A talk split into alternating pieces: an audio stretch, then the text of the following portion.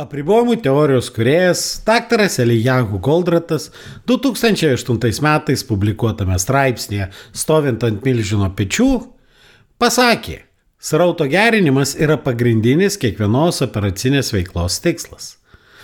Todėl noriu Jums pristatyti naujausią apribojimų teorijos knygą romaną Goldrato srauto valdymo taisyklės.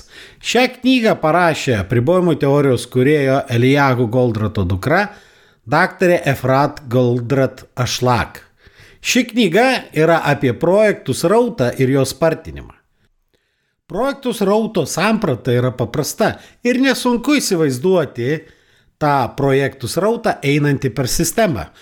Bei suprasti, kad jei kažkas stabdo srautą, tuomet projektai ims kauptis, palgės jų įvykdymo laikas ir dėl to nukentės pažadėtų terminų laikymasis. Tačiau netai paprasta yra atrasti konkrečias kliūtis, kurios trukdo srautui ir įsiaiškinti, kaip tas kliūtis pašalinti. Atsakymus į šios klausimus jūs rasite knygoje Goldrato srauto valdymo taisyklės. Šią knygą lietuvių kalba galite užsisakyti elektroniniam knyginė toc.lt pakrypęs brūkšnys knygynas toc lt pakrypęs brūkšnys knygynas arba goldrat.lt.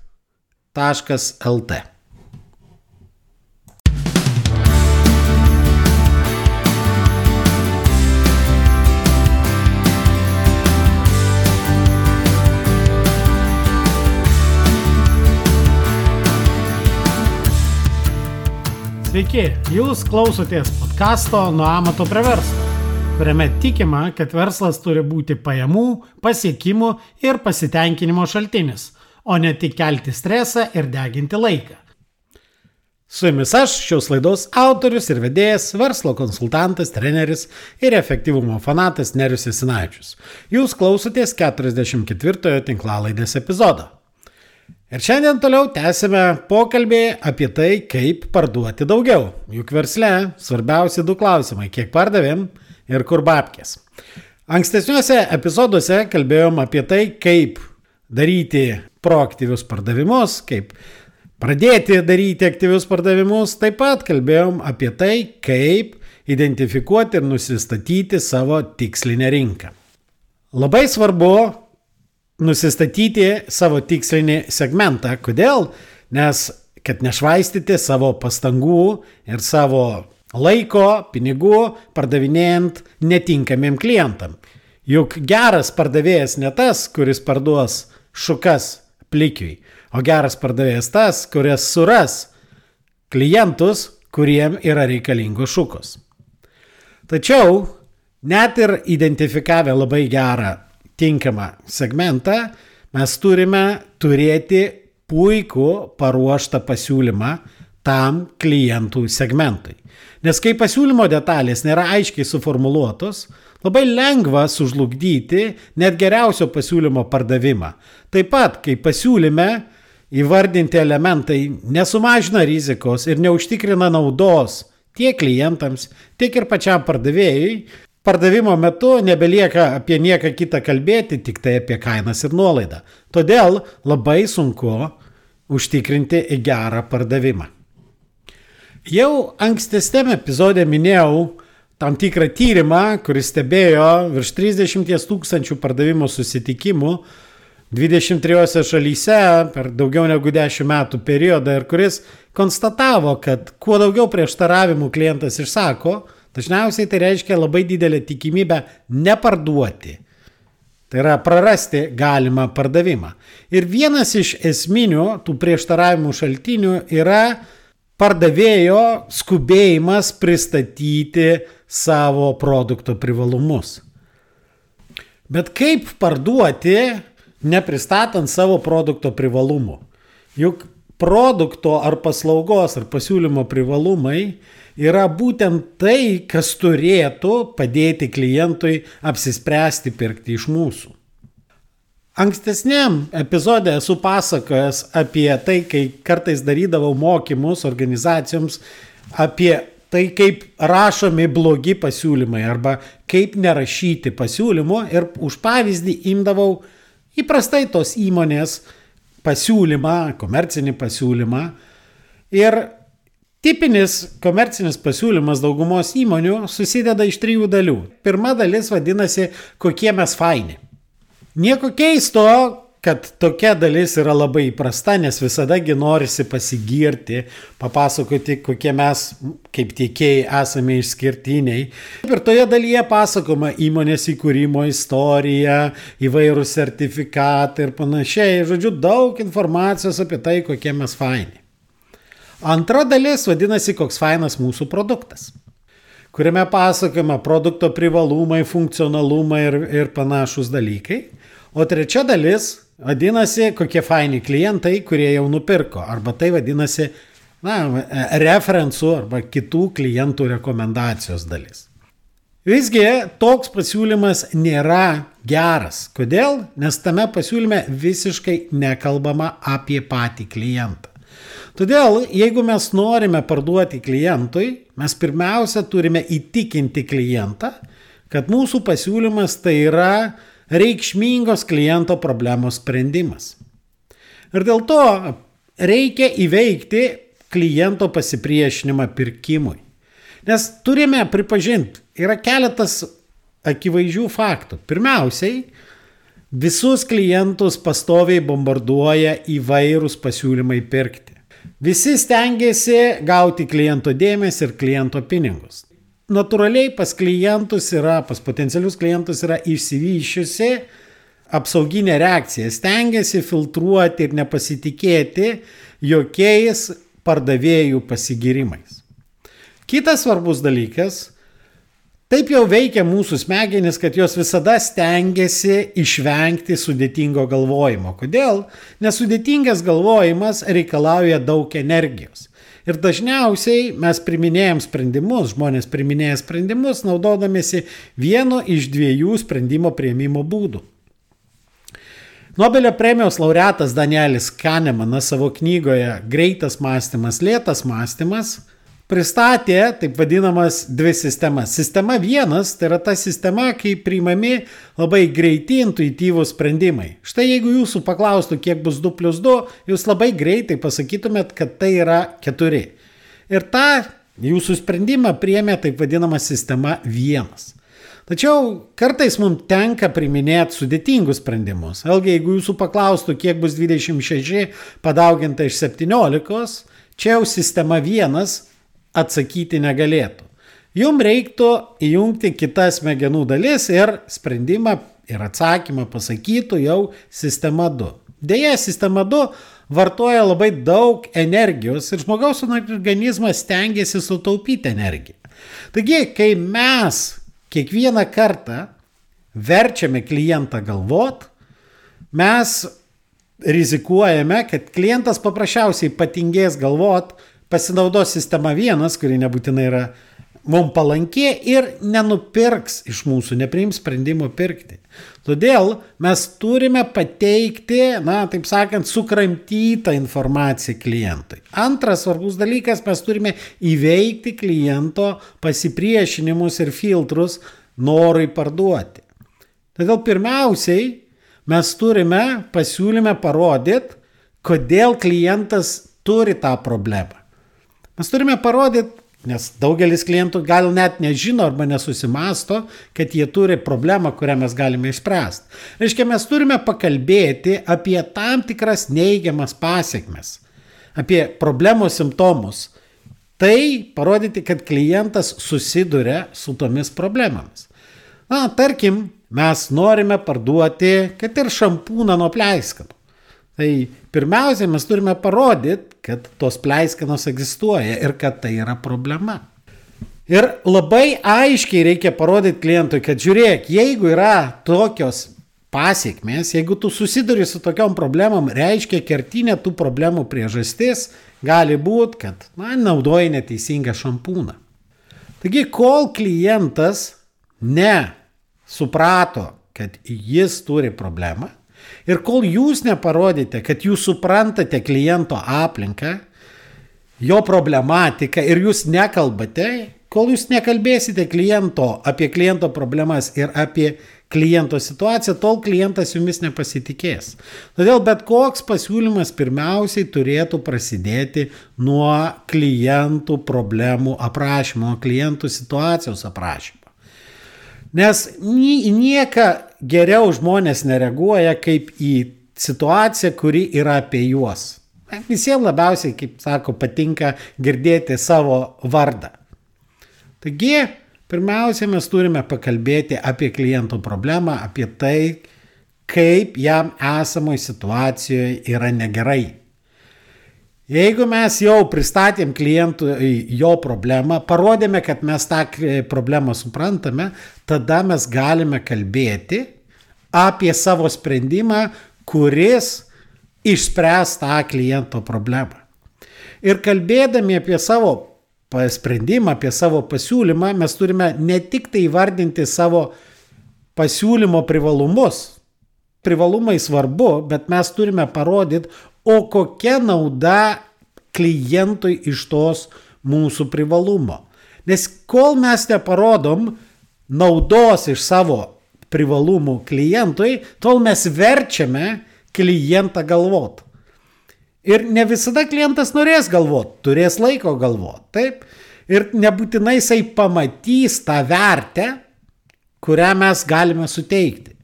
Todėl neužtenka klientui pasakyti, kad mūsų pasiūlymas yra geresnis, pavyzdžiui, už konkurentų, todėl kad mes tą padarom greičiau. Ką tai reiškia greičiau? Kokia nauda iš to klientui? Nes vienaip ar kitaip ta yra ta liaudės patarlė, sako, Pirštai visada lenkti į save.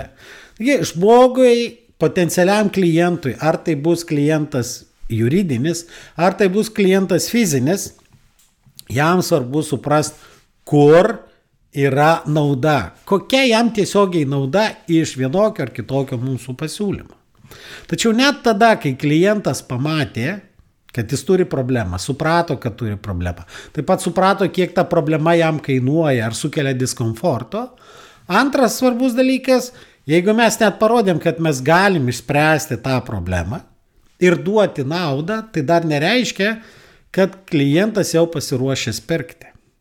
Toliau mes turime jam parodyti, kad netgi tos galimos rizikos, kurios yra susijusios su pirkimu, yra suvaldomos ir mes žinome, kaip suvaldyti. Mūsų pasiūlyme yra numatytas rizikų suvaldymas.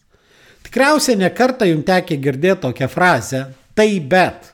Ką ta frazė reiškia? Jis nereiškia, kad jūsų pasiūlymas blogas. Tai bet reiškia, kad jūsų pasiūlymas geras, bet jisai gali turėti kažkokias rizikas. Ir ypač tada, kai žmonės priminėja sprendimus kaip įmonių atstovai, kaip organizacijų atstovai, jiem yra labai svarbu minimizuoti galimas rizikas. Nes didesnė žala yra už klaidą negu nauda, kai padarėm gerą sprendimą. Ir aš jau minėjau ankstesniuose epizoduose, kad žmonės, priminėdami sprendimus, pirkimo sprendimus, kaip įmonių ar organizacijų atstovai, dažniausiai pirmiausiai stengiasi minimizuoti klaidas, minimizuoti rizikų galimybę, klaidų galimybę, rizikų galimybę, o ne maksimizuoti naudą. Dėl to neretai organizacijos perka pigiausią produktą, ne todėl, kad tai iš to bus didžiausia nauda, bet pigiausias tam tikrą prasme yra mažiausia klaida. Dėl to pasiūlyme jūs turite būtinai įvardinti pirmą svarbų dalyką, kad yra problema, kurią klientas turi ir klientas gali asocijuoti save su ta problema, kad jūs galite ją išspręsti, duoti naudą ir jūs numatėte, jūs pagalvojate už klientą, kad įgyvendinimo metu arba jūsų pasiūlymo met, e, įgyvendinimo metu gali iškilti tam tikros rizikos, kurias jūs pateikėt, reiškia, pasiūlyme įvardinat, kaip tas rizikas galima suvaldyti. Nes jeigu pirkėjas jausis, kad egzistuoja tam tikra rizika, net jeigu ir pasiūlymas geras, bet egzistuoja klaidos arba nu, blo, blo, blogo sprendimo rizika, tikimybė, jisai gali atsisakyti pirkti. Tik tai tam, kad išvengti klaidos. Nes esamoje situacijoje jie kažkaip gyvena. Blogo sprendimo nepadarimas, tai irgi yra laimėjimas. Neretai klientai, kai sako, va, aš neišleidau pinigų, ta prasme, nenupirkau tavo pasi, pasiūlymo, tavo paslaugos arba tavo produkto ir aš sutaupiau. Hm? Neišleisti pinigai, uždirbti pinigai. Tai tiesiog atspindi tam tikrą klaidos, baimės aspektą. Bet net tada, kai jūs nustatėt ir rizikų suvaldymą ir parodėt klientui rizikų suvaldymo planą, tai dar nereiškia, kad klientas ryšys pirkti. Todėl, kad gali būti pas klientą tam tikros kliūtis. Ir jum labai svarbu pasiūlyme apmastyti, kokios gali būti esminės kliūtis, neleidžiančios klientui priimti vienokio, nu, jum tinkamo sprendimo.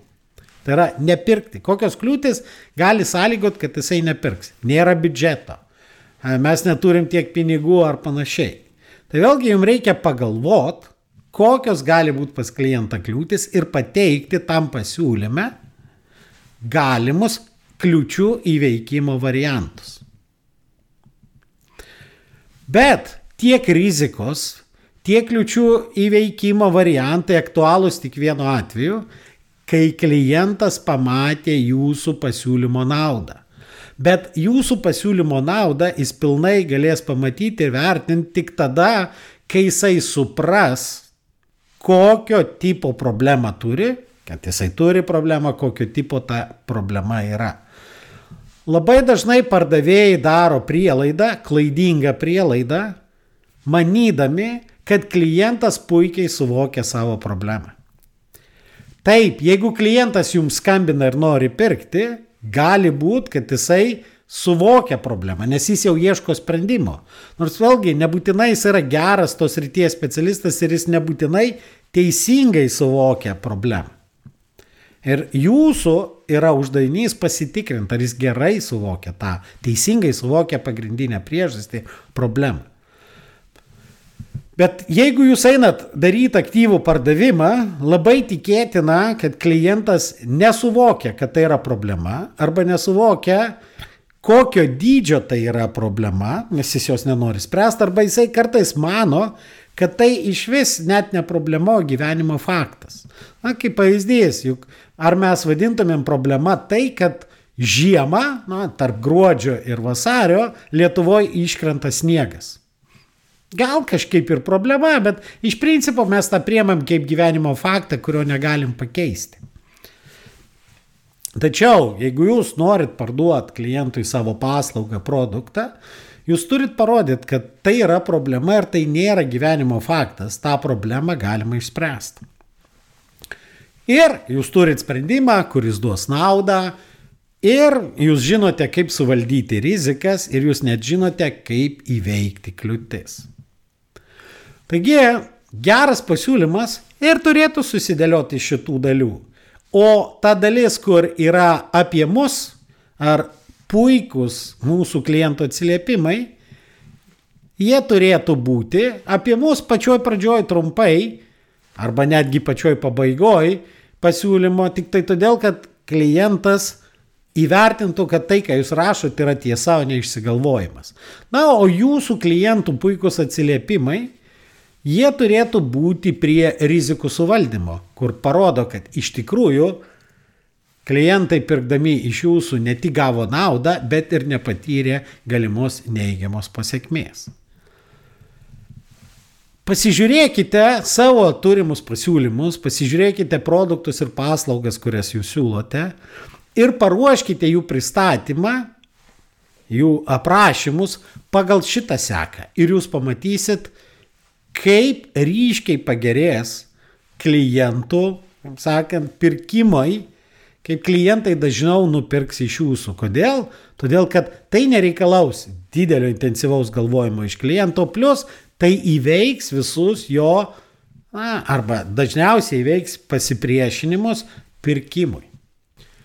Tokius aprašymus pasižiūrėkite ir paruoškite ne tik tai kur siunčiate klientam, bet ir jūsų websaitai turi būti padaryti pagal panašią formulę, pagal panašią seką. Taigi, šiandien tiek ir susigirdėsime kituose epizoduose. Dėkoju, kad klausėtės. Ir nepamirškite užsiprenumeruoti šį podcastą, kad visuomet gautumėte informaciją apie naujausias laidas. Taip pat būsiu labai dėkingas, jei įvertinsite šį podcastą palikdami atsiliepimą savo įprastoje podcastų platformoje. O jei pažįstate kažką, kam jūsų nuomonė šis podcastas būtų naudingas, būtinai pasidalinkite. Iki!